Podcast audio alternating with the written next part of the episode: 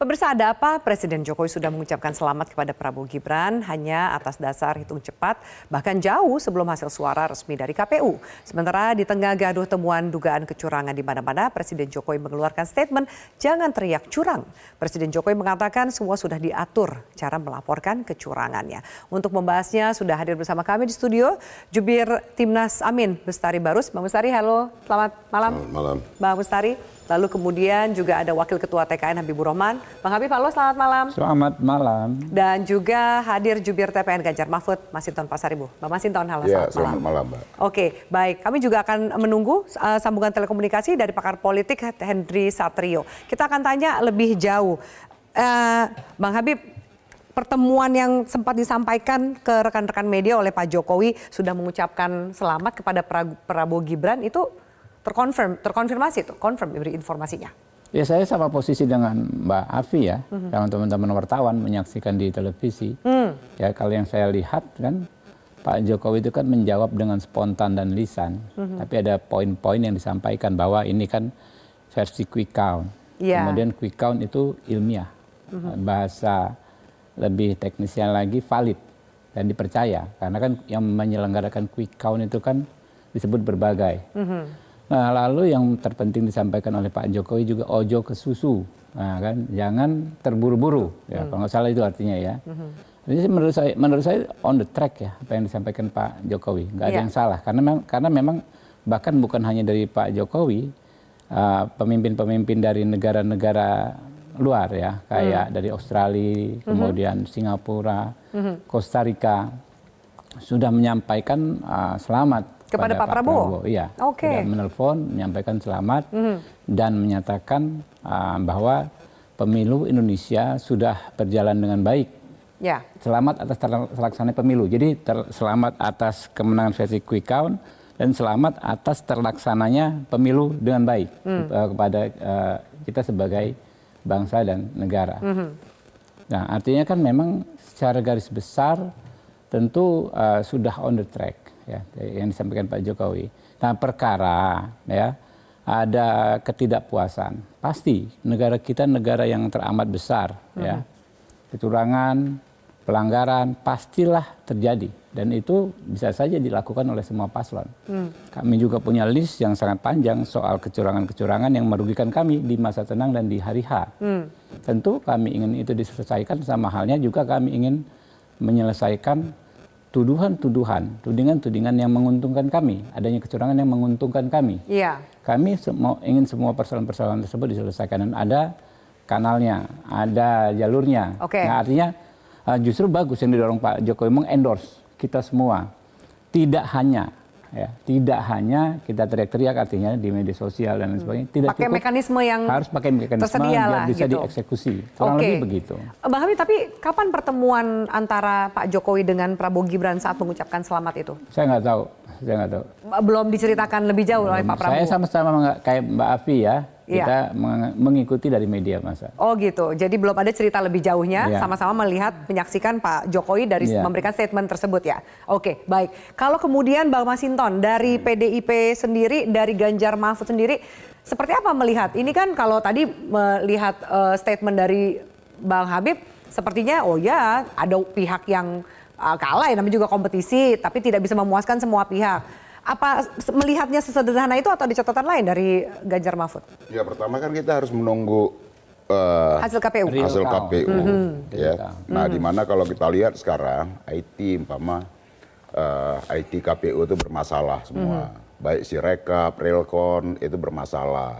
Nah, jadi eh, ketika hasil quick count-nya menampakkan hasil yang luar biasa, tapi kemudian ketika akses terhadap C1 ke form Sirekap itu, itu juga bermasalah. Ada eh, angka-angka yang bisa harus Berubah. di luar eh, berubah dari di luar hasil real eh, Dari di C1. TPS, ya C1-nya. Nah itu kan problem tersendiri itu. Nah Ya. kemudian juga dalam IT KPU yang menyajikan eh, baik itu hasil pilpres, eh, terus caleg, ah, itu juga berbeda tuh. Ada totalnya berubah-ubah. Berubah itu artinya total perolehan suara partai eh, sekian, sekian puluh ribu, tapi suara calegnya nggak nyampe totalnya segitu. Ketika di total antara suara partai dan suara Hmm. Jadi caleg. nggak sama nih angkanya. Nggak sinkron. Nah Oke. jadi di tengah-tengah ah, kita menyatakan bahwa ah, kita dipaksa harus mengiakan hasil quick count. Kok dipaksa di- mengiyakan sih, Bang? Loh iya dong, kan semua kan udah menyatakan itu tadi itu. Tapi ada problem-problem secara teknis. Di lapangan. Iya, yang di mana hasil C1 yang harusnya diupload ke masuk ke Sirekap Ya. itu harus menurutin apa kata dalam sistem Sirekap. Yang hasil hasilnya umpama di TPS itu 20, Oke. nah Sirekap bisa minta itu harus 320, 350 bahkan 500 sekian begitu. Sehingga dia tidak bisa em, masuk ke dalam sistem itu Ya. kalau dia tidak mengikuti sistem itu. Ya. Sistem yang di eh, apa oleh Sirekap tadi. Adanya adanya pertemuan uh, kalau sama seperti statement Pak Jokowi itu PDIP juga dengar nggak? Atau dari tim Ganjar Mahfud dengar nggak adanya pertemuan uh, empat berempat kalau Pak Pak Jokowi tadi mengatakan berempat gitu. Ya, Udah sudah mengucapkan selamat gitu kepada Prabowo Gibran.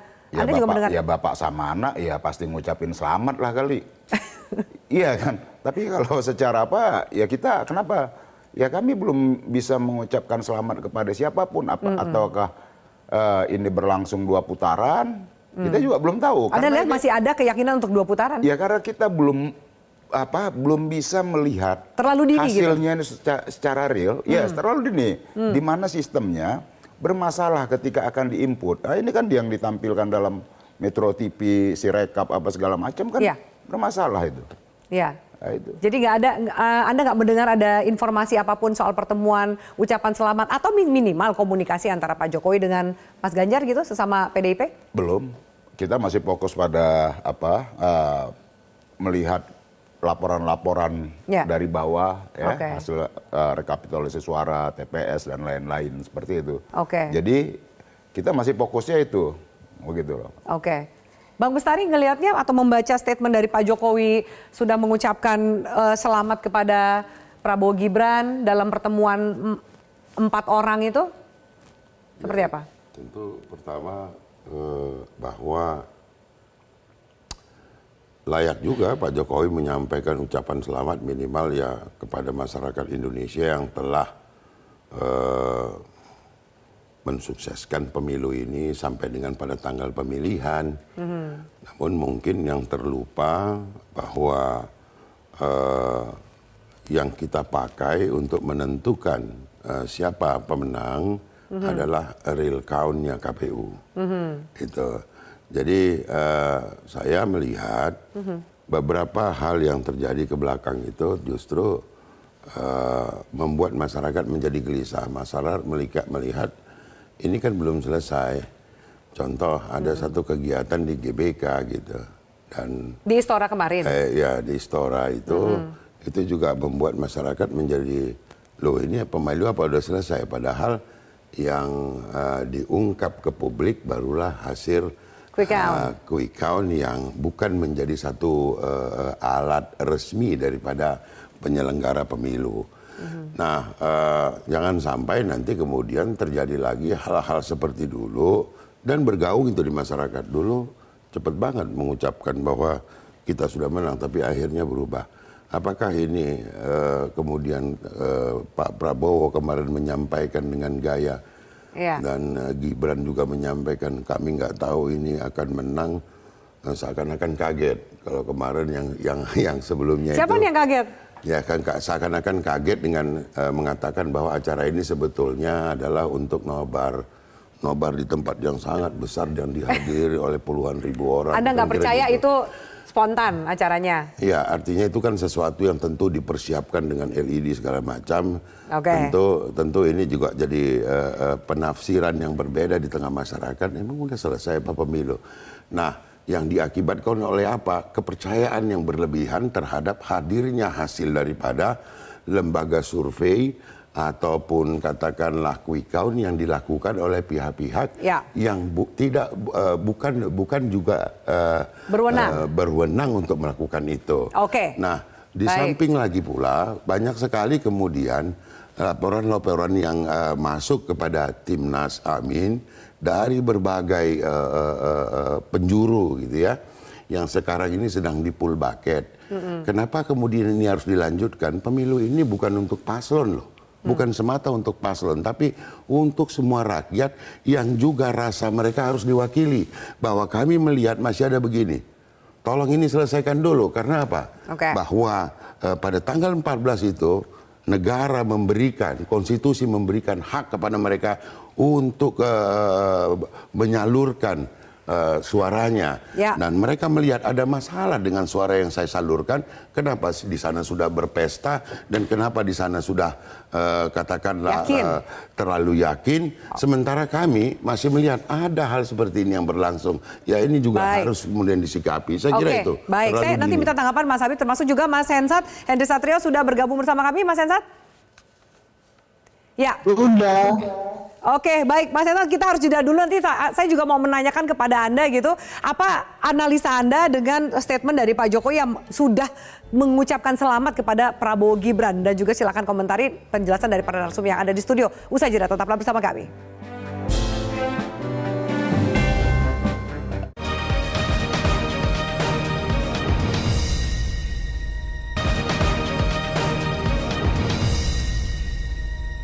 Dipersembahkan oleh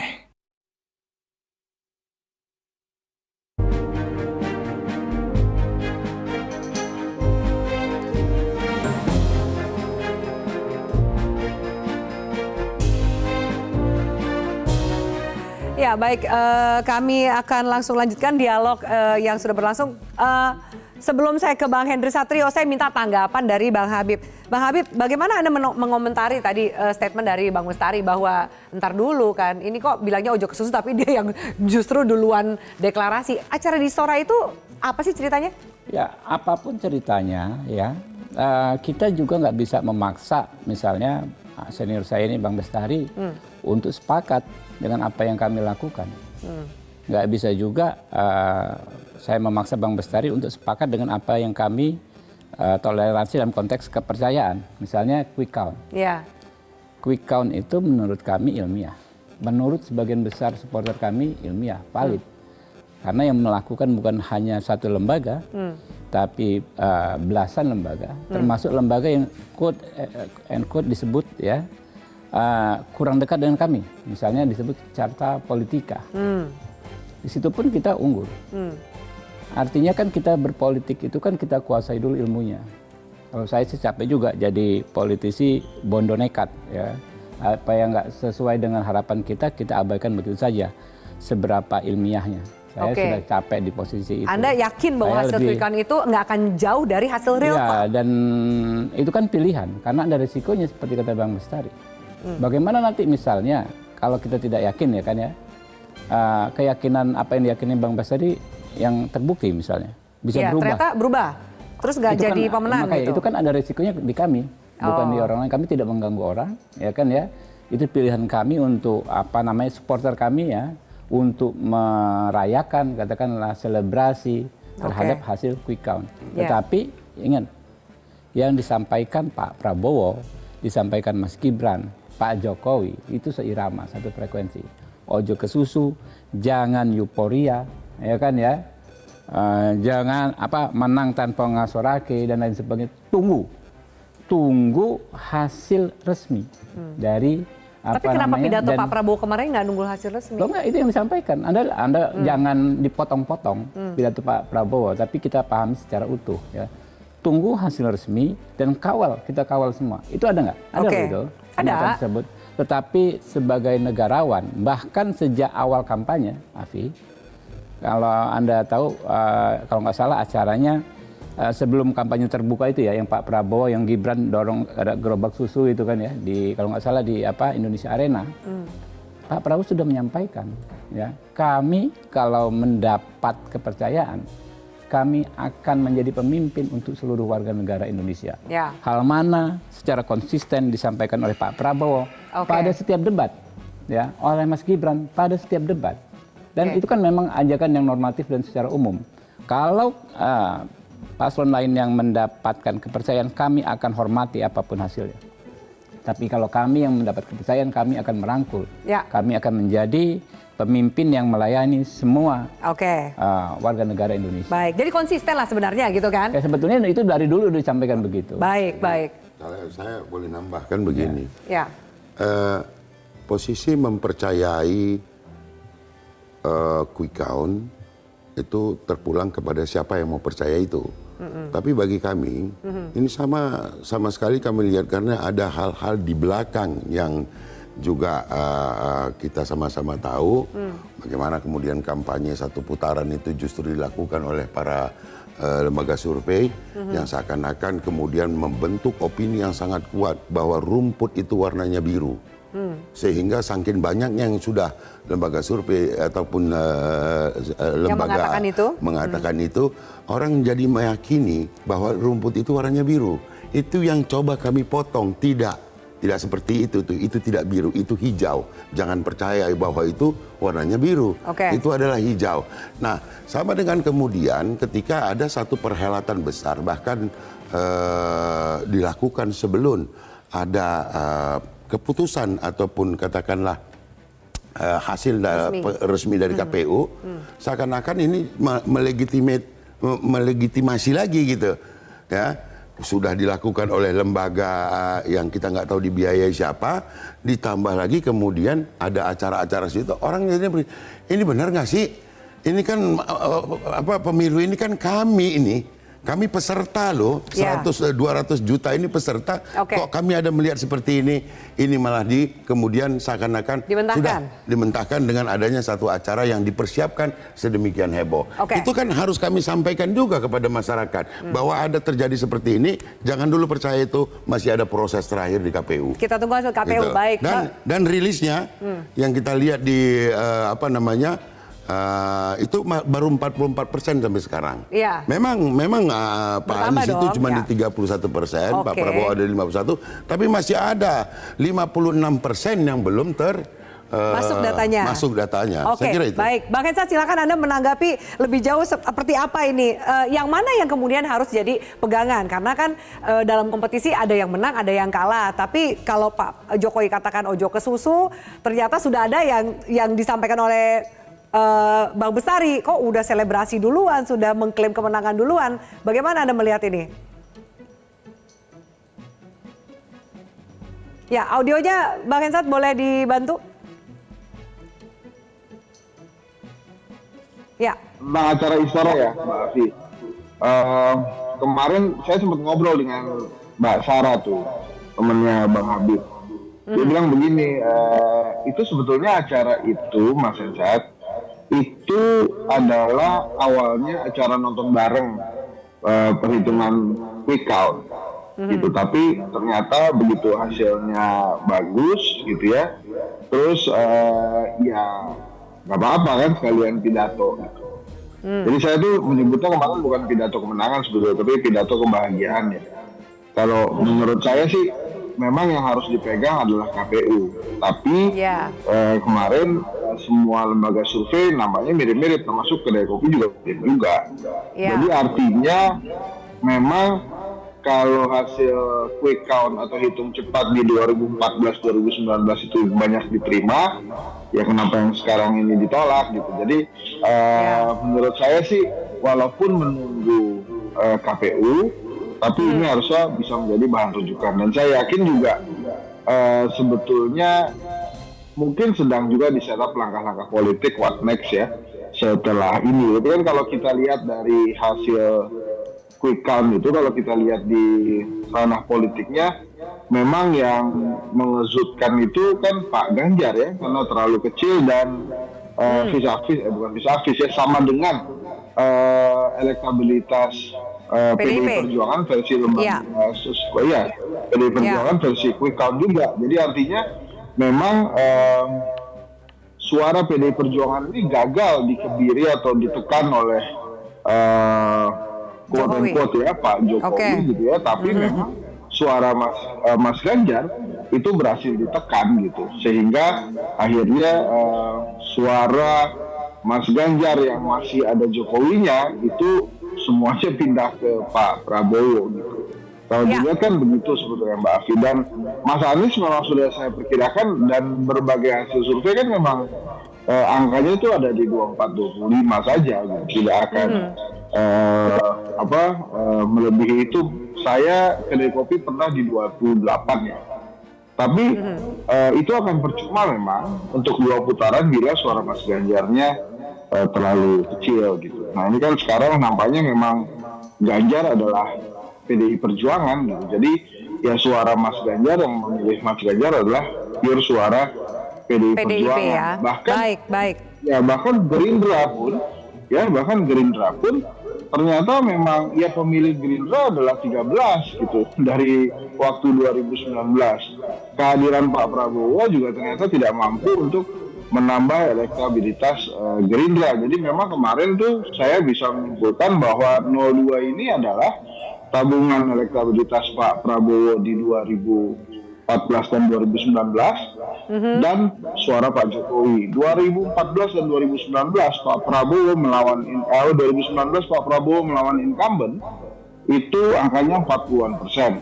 Nah ini Oke. sekarang bersama incumbent gitu ya, quote and quote ya walaupun anaknya akhirnya bisa menembus eh, 50 persen bersatu ada di angka 58 59 Baik, Bang Hensal kita nanti kita bahas soal perhitungan, kemudian juga soal strategi politik, termasuk apa benar ternyata memang tangan Jokowi lah yang berada di balik kesuksesan eh, Prabowo Gibran. Kita harus jeda, usai jeda akan kita lanjutkan sesaat lagi. Tetaplah bersama kami.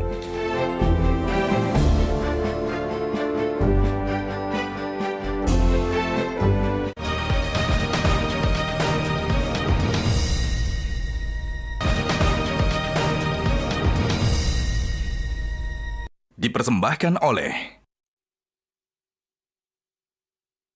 Bu Mega.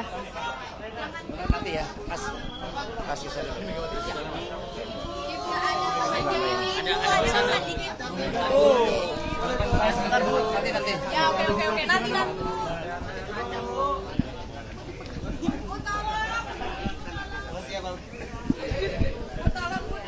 Ya, siapa tuh Pak semua? Ayo. Bu Mega. Ya, baik pemirsa tadi kita sama-sama simak Mbak Masinton tadi saat ditanya minta komentar oleh rekan-rekan media sepertinya Ibu enggan berkomentar itu Ya. bisa dijelaskan kenapa tuh Bang? Suasana Ya. kebatinan Ibu hari ini tuh gimana? Melihat hasil juga dari Ganjar Mahfud. Survei dan quick count itu kan metode, bukan hasil yang final. Hasil yang final itu adalah berbasis dari eh, hasil perolehan rekapitulasi dari TPS. Nah, Itulah hasil yang final. Jadi kalau persoalan quick count, survei itu sebagai sebuah metode potret gambaran aja itu. Nah gitu loh. Gambaran yang di menggunakan metode ilmiah tadi. Nah, bukan kita nggak percaya terhadap quick count, terhadap survei, kita percaya. Tetapi ya dalam proses eh, sebagai sebuah metodologi ada banyak model ya kan. Nah, gitu loh. Dalam mengambil sampel itu. Ada juga beberapa quick count lalu meleset tuh. Ya. Ah, gitu. Tapi ini minimal kalau tadi Hensat bilang angkanya hampir hampir sama lah semua lembaga survei yang dipakai. Lah iya, sama sebelumnya juga begitu kan. Waktu Pilkada Jakarta lalu juga begitu kan. Ternyata hasilnya berbeda. Ah, hasil hasil quick count dengan survei lain. Kalau hasil quick count persisi. hasil real countnya Ya, ant- ini beda loh antara quick count dengan survei. Iya, sama dengan quick count-nya juga begitu. Terus kemudian ketika beliau Pak Prabowo juga dua kali pemilu kan hasil quick count juga sujud-sujud. nah gitu loh. Enggak artinya kemudian kan Tapi kita melihat. hasilnya berbeda ya? Iya, maka itu sebagai sebuah metode. Maka kita tetap menunggu. Kalau tadi ojo ke susu, ya tunggu dong. Bukan kemudian ngucapin selamat. Maka kan hari ini kalau dibilang ojo ke susu ya udah kita maklumin aja. Pasti artinya kebalikannya. Pasti kan begitu. Memaknai pemimpin pimpinan formal pemerintahan hari ini harus kita maknain terbalik. Kalau bilang iya, berarti dia artinya kita harus memaknai tidak. Ya. Kalau dia bilang tidak, kita harus memaknainya iya. Tadi Pak Jokowi bilang loh, gimana mau curang kan semua ada saksinya. Bagaimana Ya, Anda maknai menerjemahkan terbalik itu? aja kalau begitu. Ada kecurangan.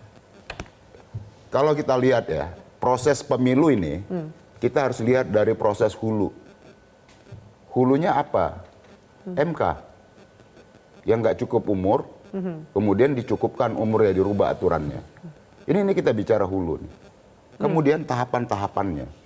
Tahapan prosesnya. Apa?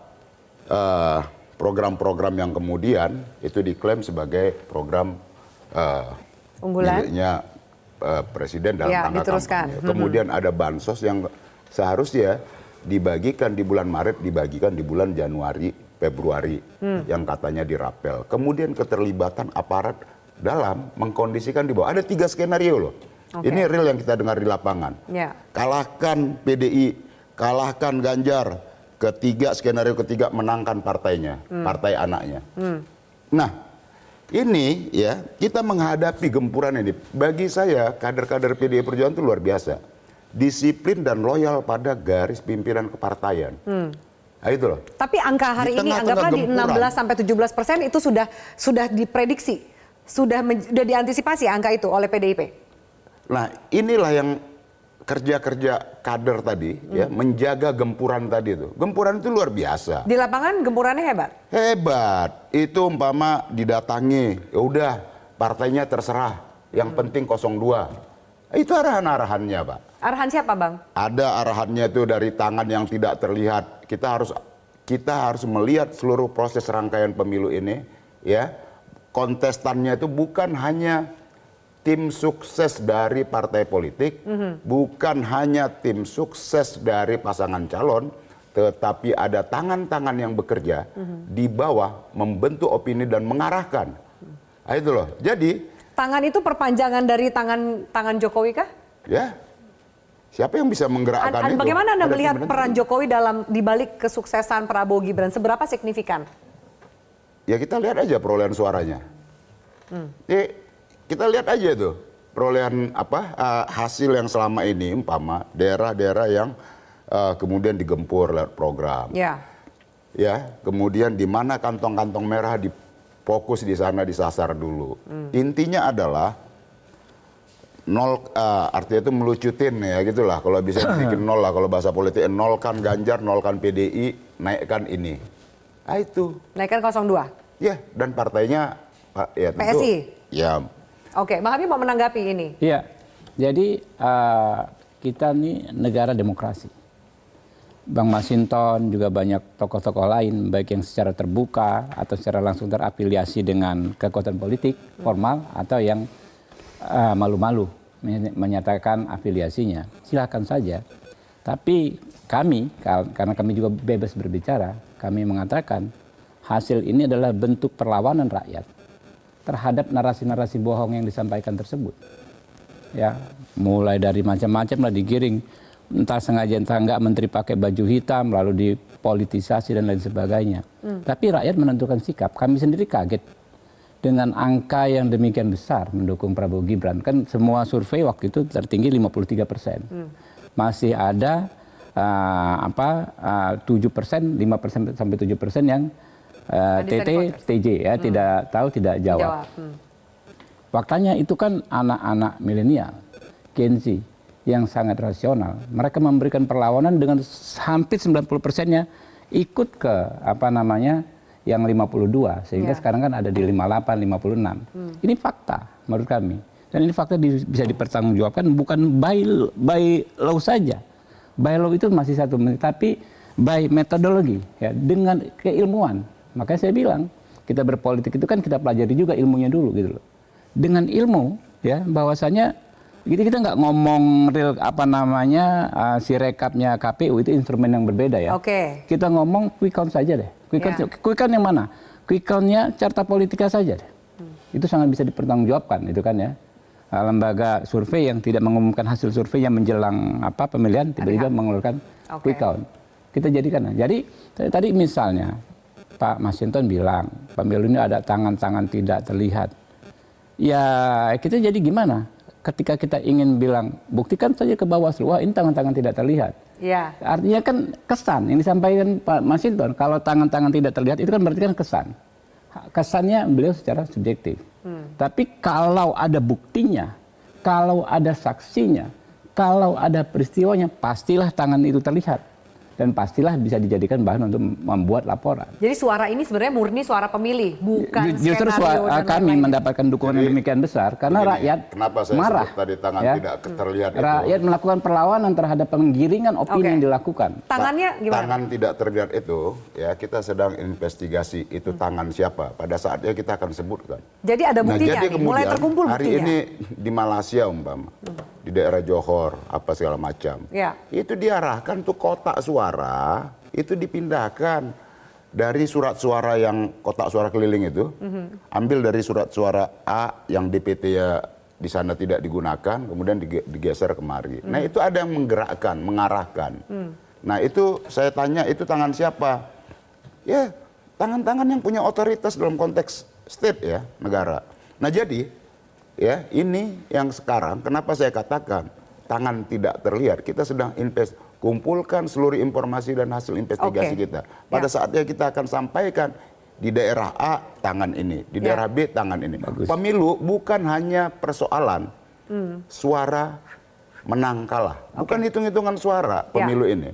Pemilu ini adalah bagian dari sarana kedaulatan rakyat, di mana secara demokratis kita memilih rakyat memilih siapa calon pemimpinnya. Hmm. Politik itu ya bukan sekedar menang kalah yang saya katakan tadi, nggak bisa diukur dengan hit, hanya hitung-hitungan suara karena proses dari politik kepemimpinan hasil dari pemilu ini adalah bagian dari menentukan perjalanan ya. bangsa kita Oke, ke depan. baik. Saya akan kembali jeda. Lalu apakah dimungkinkan, benarkah sudah terjadi komunikasi dan juga lobby-lobby politik arahnya adalah rekonsiliasi dari para kandidat yang bertanding di pemilu ini? Usai jeda, tetaplah bersama kami.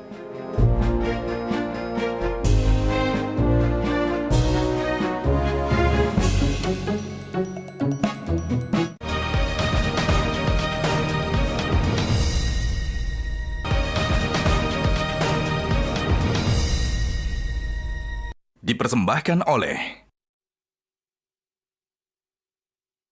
Semua TPS itu maksimum tuh 300 suara. Kok ada laporan seolah-olah eselon yang eh, mendapatkan 800, 700. Ini gila udah. Ini pemilu gila ini. Ya kan? Nah, kita kan berpihak kepada rakyat. Kita nggak mau rakyat dibohongin seperti itu. Nanti ini adik-adik ini, ini, ini, ini nanti akan mengungkapkan itu semua.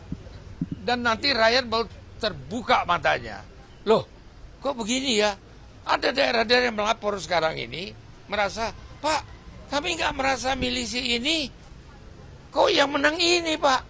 Kotak yang mana yang dibawa katanya? Wah, ini luar biasa. Nah, rakyat harus berani mengungkapkan kebenaran, bukan pembenaran. Kebenaran. Jadi kita ini berkumpul untuk melakukan kebenaran. Kebenaran tentang kebijakan pelaksanaan pemilu ini secara jujur dan adil bagi rakyat dan bangsa Indonesia. Ini rakyat yang ditipu nanti. Ya baik, saya minta tanggapan dari Bang Hensat. Bang Hensat satu, itu tadi silakan dikomentari statement dari Pak Oso yang mengatakan ini pemilu-pemilu gila ini. Eh, Berlebihan atau ternyata mengungkapkan apa yang terjadi realita di lapangan, Bang Hensat? Eh, itu boleh aja disampaikan oleh Bang Oso. Jadi gini Afi, Eh, quick count ya kita itu, ini saya bicara kedai kopi lah. Saya sampaikan ke enumerator, kita itu tidak berhak memprotes hasil penghitungan suara di TPS. Jadi kita eh, acak nih TPS-nya dari kita putuskan 2000 TPS eh, diacak di 38 provinsi. Tugasnya enumerator itu adalah mencatat kejadian dan mencatat hasil. Mencatat kejadian itu kalau memang ada yang lucu-lucu atau yang kurang-kurang gitu ya dicatat sama dia. Tapi kita tidak bisa intervensi hasil. Misalnya begini. Eh, yang tadi Pak Oso ceritakan kan ekstrim tuh ya. Wah ini angkanya berbeda nih eh, dengan yang kita lihat gitu. Wah tidak saya tidak pilih dia, saya tidak pilih dia. Nggak bisa. Enumeratornya quick count itu mencatat hasil perhitungan dan eh, angka yang ada di C1 Plano. Ya, Kita itu aja tuh. Kita tidak boleh berpendapat, tidak boleh eh, apa mengklarifikasi, mengcancel nggak nggak bisa. Kita hanya nyatet aja. Nah, Oke. perihal proses penghitungannya, bila memang ditemukan ada kejanggalan-kejanggalan, itu urusan saksi. Untuk akhirnya kemudian dilaporkan kepada eh, Bawaslu gitu misalnya. ya. Jadi memang eh, itu tugasnya si quick count ini. Dia Ya. apakah mencatat bila ada kecurangan dia dicatat. Tapi apakah kemudian akan mengklarifikasi nggak bisa. Karena tugasnya hanya datang kemudian mencatat. Nah makanya kan saya pernah juga Afi menyampaikan eh, satu bulan sebelum pencoblosan lah kalau saya tidak salah saya katakan kalau memang 01 dan 03 sudah menemukan ada potensi kecurangan yang terukur sistematis dan masif sehingga membuat demokrasi ini adalah demokrasi kepura-puraan ya mundur aja dari pilpres memang ada ada tindakan pidananya, tapi ada ada sebuah perbaikan dalam sistem pemilunya. Tapi kan itu tidak dilakukan dan tetap melaksanakan pilpres walaupun hasilnya seperti ini. Nah, kalau menurut saya ini sih bukan hasil perlawanan rakyat terhadap penggiringan opini seperti yang disampaikan Bang Habib. Saya lebih Ya. setuju bahwa ini adalah persetujuan rakyat terhadap janji-janji keberlanjutannya Pak Jokowi yang disampaikan oleh Prabowo. Oke. Keberlanjutannya apa aja ya? Sembako terus berlanjut, IKN terus berlanjut itu. Jadi Ya. masyarakat tuh merespon Pak Jokowi aja. Jadi kalau kemudian saat ini judulnya adalah tangan Jokowi di balik sukses Prabowo Gibran, saya harus katakan iya. Hmm. Kenapa saya katakan? Karena di dua pilpres sebelumnya, ini walaupun tidak banyak yang memperhatikan, angka Pak Prabowo itu ada di 45-46. Itulah angka Pak Prabowo di pilpres. Oke. Kalau sekarang kemudian menembus 50% plus 1 hingga 58-59, ya ini ada Jokowinya. Ada faktor Jokowinya, walaupun sebetulnya masih terlalu kecil tuh kalau ada faktor Jokowinya. Baik. Baik, Kenapa baik. saya katakan demikian? Karena memang ternyata di Gerindra tidak berubah angkanya. Golkar yang kemudian naik juga gitu. Artinya jangan-jangan memang ada kotel efek dari Pak Prabowo ke Golkar yang memang menggambarkan situasi atau perwakilan Orde Baru misalnya, misalnya seperti itu. Oke, kita Jangan membahas soal rekonsiliasi. Apakah kemudian itu bisa Nah. terjadi dalam hitungan hari atau ternyata masih akan menunggu proses lobby-lobby itu eh, setelah hasil resmi dari KPU? Karena mengutip eh, statement dari Pak Prabowo yang menyatakan ingin merangkul semua kekuatan. Kita simak dulu statement dan informasi lengkap berikut ini. Oke. Prabowo, Gibran, dan seluruh koalisi Indonesia Maju, kami akan merangkul semua unsur dan semua kekuatan.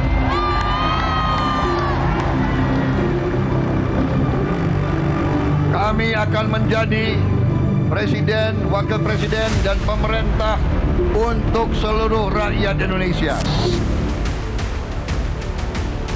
Pernyataan Prabowo Subianto yang ingin merangkul semua kekuatan disampaikan setelah elektabilitasnya unggul dibandingkan dengan dua kompetitor lainnya di Pilpres 2024 versi hitung cepat atau quick count sejumlah lembaga survei. Namun sejumlah partai politik yang mengusung Anies Mohaimin dan Ganjar Mahfud belum antusias menanggapi meski tidak menutup peluang untuk bergabung.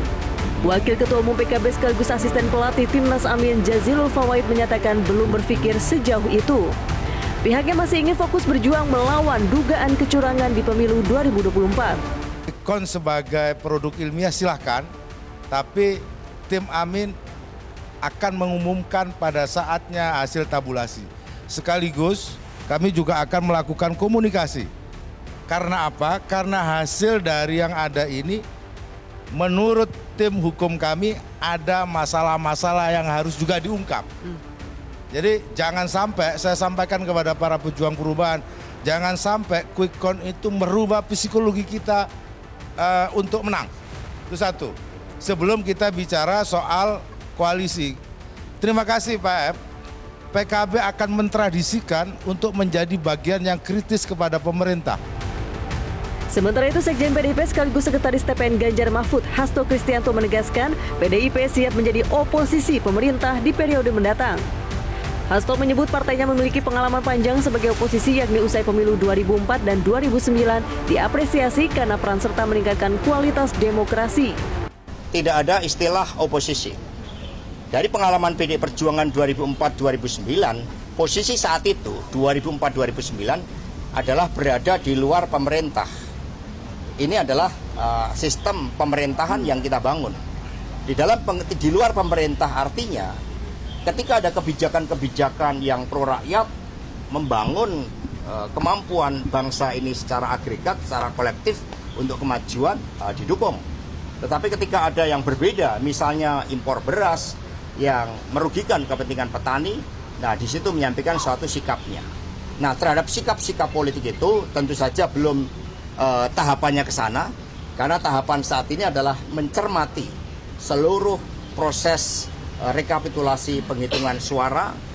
Sejumlah pengamat menilai upaya merangkul lawan politik yang dilakukan Prabowo Gibran memperlihatkan kecenderungan untuk menutupi kekurangan dari klaim kemenangan mereka. Meski berpeluang menang satu putaran, masih ada celah dari sentimen negatif yang terus bermunculan. Di antaranya pencalonan Gibran berdasarkan keputusan MK yang kontroversial serta dugaan kecurangan pemilu karena intervensi kekuasaan. Dari Jakarta, Tim Liputan, Metro TV. Baik, kita lanjutkan. Bang Bestari, eh, apakah benar ada sudah ada gitu komunikasi dan lobby-lobby politik dari tim 03 atau bahkan ada sesuatu dari 02? Uh, sampai hari ini konsentrasi Partai Nasdem adalah bagaimana menyelesaikan rangkaian uh, tahapan pemilu ini sampai kemudian lahirlah satu keputusan KPU tentang siapa yang menjadi uh, terpilih menjadi presiden. Hmm. Dan kemudian yang kedua adalah tentu kita sedang berkonsentrasi penuh juga hmm. kaitannya dengan pemilu legislatif ini. Hmm.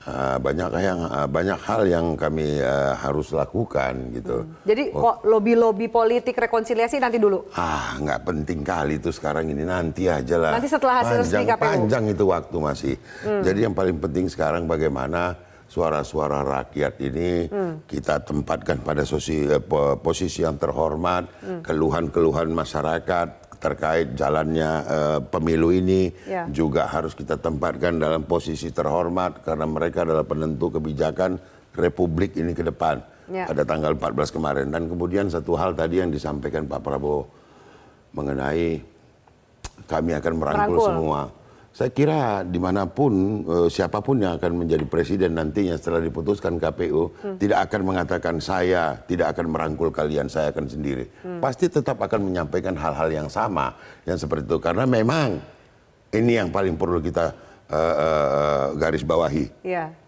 ketika kau jadi pemimpin maka kau harus menjadi payung bagi semua, bukan hanya satu golongan. Ya. Harus menjadi payung bagi semua. Jadi statement itu ya ah, harusnya memang seperti itu. Ya, itu adanya di Anies Baswedan salah satunya juga kan begitu. Nanti makanya kita harap ke depan ini pemimpin-pemimpin bangsa yang dilahirkan oleh pemilu-pemilu yang bermartabat, okay. maka akan menjadi payung dan memayungi seluruh kepentingan seluruh golongan insya iya, Allah. Ya, tapi ya nunggu hasil KPU dulu. KPU dulu. Bang Masinton, tapi benar nggak ini ada statement dari Mas Ato yang mengatakan mungkin kayaknya tim 01 dan 03 ini akan bergabung terutama membahas soal dugaan kecurangan. Benar nggak itu? Ya tentu. Uh, apa ini kan kita lagi saling bertukar informasi, mensinkronkan temuan-temuan hmm. di lapangan itu hmm. satu. Hmm. Nah intinya adalah bahwa proses dalam uh, apa pemerintahan apa segala macam. Tugas hmm. politik itu kan ya satu di antaranya kekuasaan. Tapi dengan kekuasaan yang mana dulu kan gitu ya. Kalau pengalaman dari PDI Perjuangan itu pernah di dalam pemerintahan, pernah di luar pemerintahan. Hmm. Itu. Nah, bagi PDI Perjuangan yang utama itu adalah keberpihakan terhadap nilai-nilai etik dan moral. Ya keberpihakan terhadap nilai kemanusiaan, okay. demokrasi dan kedaulatan rakyat tadi. Okay. Nah, pada tataran itu, ya bagi PDI Perjuangan politik itu harus berbasis pada nilai itu tadi, hmm. uh, political value PDI Perjuangan itu ya di situ, bukan semata-mata oh iya kalau apa uh, kita harus ikut kekuasaan, ikut dalam pemerintahan, tidak Ka semata kalau tetap, itu. Jadi PDIP gimana mau ikut dirangkul atau tidak nih? Ya kan begini ya, artinya itu bahwa kita konsepsi persatuan, tapi kan persatuan itu bukan basa-basi. Ya. Nah, bagi PDI Perjuangan Ya. standarnya kalau saya kalau saya ya, Ya. kalau saya pribadi itu lebih memilih kalau saya sulit rasanya ya Hmm. bergabung dengan pemerintahan katakan ya Yang? kalau setelah KPU nanti setelah Hmm. KPU ini kita berandai-andai ya nggak mungkin dong bergabung dengan pemerintahan yang dari proses awal ya itu mengabaikan faktor etik, Etik. mengabaikan faktor uh, kehendak rakyat ya Hmm. uh, moral dan lain-lain gitu. Ada Nah, Gibran jadi- di situ kader PDIP, ada Pak Jokowi juga masih PDIP loh bang. ya itu urusan lain itu urusan lain. Apa PDIP Ini mau jadi oposisi? kan kita tidak mengenal oposisi apa Oke, di, berarti di luar pemerintah dan di luar pemerintah. Ini Oke. kan kita bukan parlementer. Oke, baik. Dan menurut saya Ya. ya, ke depan harus didesain ini politik eh, pelembagaan politik kita mana yang pasca pemilu, mana yang dalam pemerintahan, mana yang di luar pemerintahan. Hmm. Menurut saya itu harus ada agar eh, mereka yang ikut dalam kontestasi, Mhm. kalau dia memilih di luar pemerintahan, Mhm. menurut saya harus ada pelembagaan dalam baik entah itu diatur dalam Ada strukturnya gitu Iya. ya. Oke, baik. Jadi rakyat bisa melihat bahwa Mhm. politik itu eh, tidak semata-mata Ya. ya. harus dalam kekuasaan. Dari luar pemerintahan aja juga kita bisa Juga melakukan terhormat. kontrol Oke. terhadap pemerintahan. Baik. Apakah dia sudah sejalan dengan eh, janjinya, sudah sejalan dengan Baik. nilai-nilai standar etik, moral yang dan dipegang. demokrasi Oke, itu tadi. Bang Habib gimana? Terakhir. Ya, Merangkul nih konsepnya gimana kalau statement dari 0103-nya kok sepertinya masih seperti ini gitu. Ya makanya yang disampaikan Pak Prabowo itu kan di apa namanya diaminkan sama tim Amin nih, ya kan? Benar, memang sudah seharusnya seperti itu. Hmm. Kita sebagai politisi, beliau sebagai negarawan menyampaikan sesuatu yang sudah sangat tepat, sehingga tidak dipertanyakan lagi oleh siapa pun. Tinggal buktinya nih Bang. Artinya gini, eh, yang disampaikan Pak Prabowo itu kan konsisten sejak awal kontestasi ini Oke. sampai akhir. Sebelum kampanye, di masa kampanye, setelah hasil quick count, ya selalu begitu. Tapi kalau kita mau rujuk lagi ke belakang, kurang lebih begitu juga yang beliau praktekkan ketika misalnya beliau bergabung dengan Pak Jokowi. Oke. Artinya meng- meninggalkan ego-ego pribadi dan kelompok demi persatuan, demi bangsa dan negara. Ini yang Pak Prabowo ingin sampaikan kemarin Udah itu. tergambar nggak apa yang akan dilakukan? Minimal Jadi mungkin gini, bertemu dengan sesama tentu kandidat Ganjar kan Mahfud. kita kan gini, halo. Kita ini kan nggak mungkin bertepuk dengan satu tangan. Pasti bertepuk harus eh, Dua tangan. kedua tangan. Ya, Artinya gini, ini bentar. belum menang. Bentar. Tunggu dulu. Bentar dulu. Iya makanya. Penghitungan. Iya, iya tahu. Udah dapat ini apa namanya masuk. maksudnya. Jadi gini. eh, apa yang disampaikan Pak Prabowo itu kan proposal terbuka Oke. dari hati nurani beliau, ya kan ya. Kalau memang ingin bergabung, welcome. Saya juga sering diskusi dengan beliau. Pernah Hmm. diskusi lah beberapa kali. Enggak, Pak Prabowo lalu akan nanti- merangkul, iya, betul, bukan betul. Orang Bergabung. Bentar, nanti dulu. mau bergabung. Iya, saya ngomong dulu boleh? Merangkul. Oh, lanjut. Ya kan? Jadi opsi dalam konteks merangkul itu kan macam-macam. Tetap bisa misalnya sebagai oposisi. Kita tahu nih, Pak Masinton nih, PDI Perjuangan, partai yang menurut saya paling terorganisir rapi. Ya. Sebagai oposisi keren, sebagai eh, penguasa juga keren. Ya, sama-sama bisa memaksimalkan Oke. fungsinya.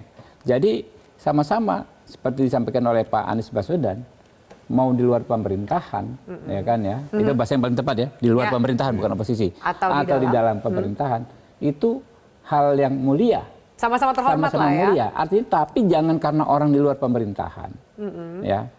Ini sebagai pengingat bagi kita, kita di pemerintahan menzolimi orang, tidak melayani, ya kan, mendiskreditkan, mendiskriminasi. Itu kalau di luar pemerintahan Enggak, maksudnya. kalau itu pengingat bagi kita Tidak yang mau- disebut tidak mau mayungi Ya, semua. Iya, itu yang di apa di pengingat kepada kita yang disebut-sebut orang Oke, menjadi pemenang karena baik. quick count sudah ngomong Ke intinya begitu. Bang Habib, udah? Ya jadi intinya kita siap aja apakah teman-teman ini uh, mau jadi oposisi itu sesuatu yang memulia eh, di luar pemerintahan. Bebas aja lah Mau gitu di ya. dalam pemerintahan, kami pun welcome. Oke. Sangat terbuka gitu kan ya. Oke, ini menarik, masalah, menarik. ya. Bang Hensat, terakhir pertanyaan eh, saya untuk eh, Bang Hensat. Lalu menurut Anda nanti formasinya akan seperti apa?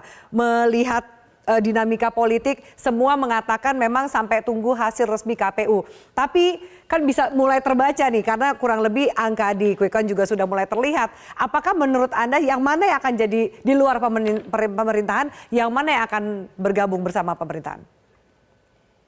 Oke, uh, lebih-lebih seriusnya pasti setelah 20 Maret ya, setelah Ya. KPU uh, memutuskan gitu ya. Tapi Ya. kalau kemudian uh, ada perbincangan-perbincangan sih menurut saya bukan hal yang baru juga.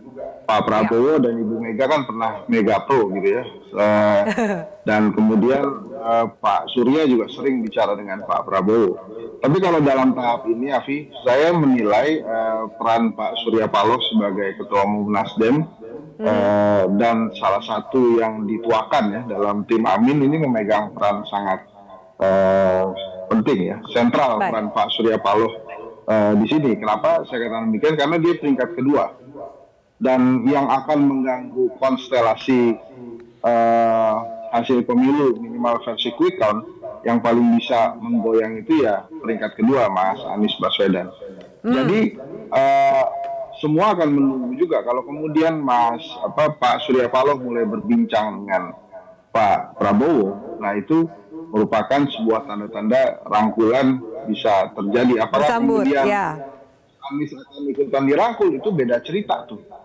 Karena belum tentu juga rangkulan itu mengajak eh, Mas Anies karena bisa saja rangkulannya itu baru dari partai politik gitu ya. Tapi Oke. eh, Bagaimana dengan PDIP, Bang Hensat? Bu Mega dan PDIP. PDI Perjuangan, PDI Perjuangan ini berada di luar pemerintahan aja hidup dia dan ma- makin kuat kan di di luar pemerintahan itu. Jadi kalaupun berada di luar pemerintahan, saya tuh melihatnya PDI Perjuangan akan sendirian di luar pemerintahan. Walaupun ya, walaupun kalau ada kejutan PKS menemani PDI Perjuangan itu luar biasa sekali.